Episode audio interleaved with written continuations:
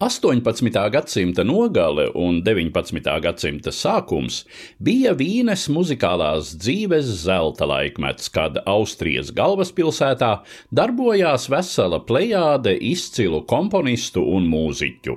Tas gan īsti nenozīmēja, ka viņiem tolaik bija, kā saka, zelta dzīve. Tikai ar komponēšanu vien iztikt bija teju neiespējami, un daudzus izcilus skaņražus no dzīves pusbadā glāba tikai mecenātu devīgums. Salīdzinoši labākas peļņas iespējas bija operu un citiem skatuves komponistiem, cik tālu teātris bija populārais žanrs, bet simfonisko mūziku patērēja vien daži procenti, respektīvi daži tūkstoši aristokrātijas un bagātāko pilsoņu elites. Koncertu biļetes bija dārgas, parasti divi guldeņi, par ko melnstrādniekam vajadzēja liet sviedrus veselu nedēļu. Atsevišķu koncertu zāļu nebija, savukārt teātras zāles bija brīvas pamatā vasarā, kad maksātspējīgā publika pameta galvaspilsētu un devās uz saviem lauku īpašumiem. Tad nu aktīvai koncertu dzīvei atlika laiks, kad teātra izrādes bija aizliegtas advents un lielais gavēnis. Šais sešās nedēļās tad arī simfoniskās mūzikas skaņraži varēja sarīkot savas benefices, tolaik vāciski sauktas akadēmija, gūstot kādu peļņu. Vienu tādu akadēmiju 1808. gada adventa laikā, 22. decembrī, teātrī pie Vīnes upes sarīkoja Ludvigs van Beethovens. Tolaik koncerti, kuri kā šis ilga četras stundas, nebija nekas neparasts. Īpašu šo koncertu padarīja veseli četri pirmatskaņojumi.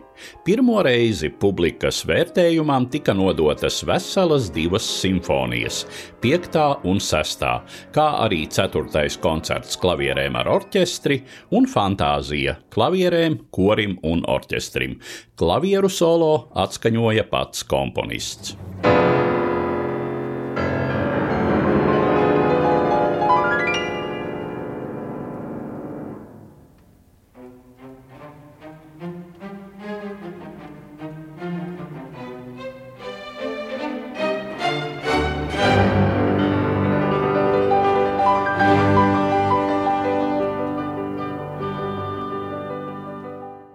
1808. gada 22. decembra koncertu nevar saukt par veiksmi.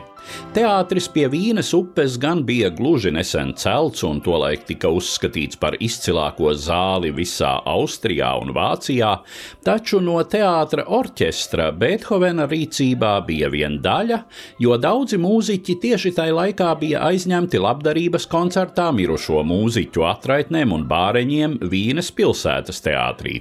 Viņu vietas bija aizpildījuši citi, pa daļai pat amatieri, un šis raibais sastāvs bija pilnvērtīgi mēģinājis tikai vienu reizi. Atskaņojot fantāziju, klaviersolists, pats Beethovens, sāka nevietā spēlēt variāciju, pārtrauca priekšnesumu un atsāka to no sākuma. Un kas vēl vairoja publikas un arī mūziķu diskomfortu, zāle nebija kurināta, bet vīnē tobrīd bija uznācis īsti ziemīgs sals.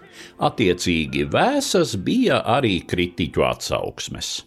Tomēr ar laiku, protams, izcilie skaņdarbi, kas tika pirmatskaņoti šai reizē, guva pelnīto atzinību, ko vērta ir vien piektā simfonija ar tās vadmotīvu, slavenajiem likteņa akordiem.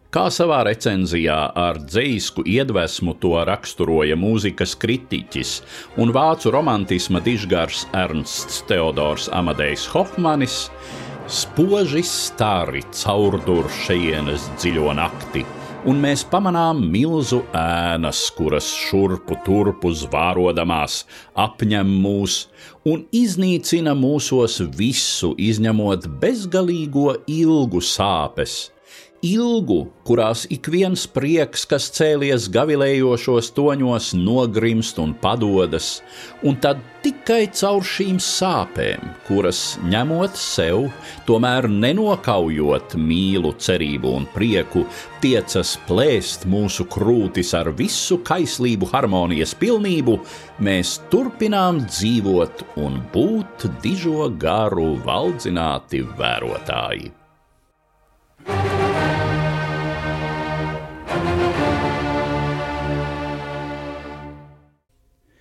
Stāstīja Eduards Liniņš.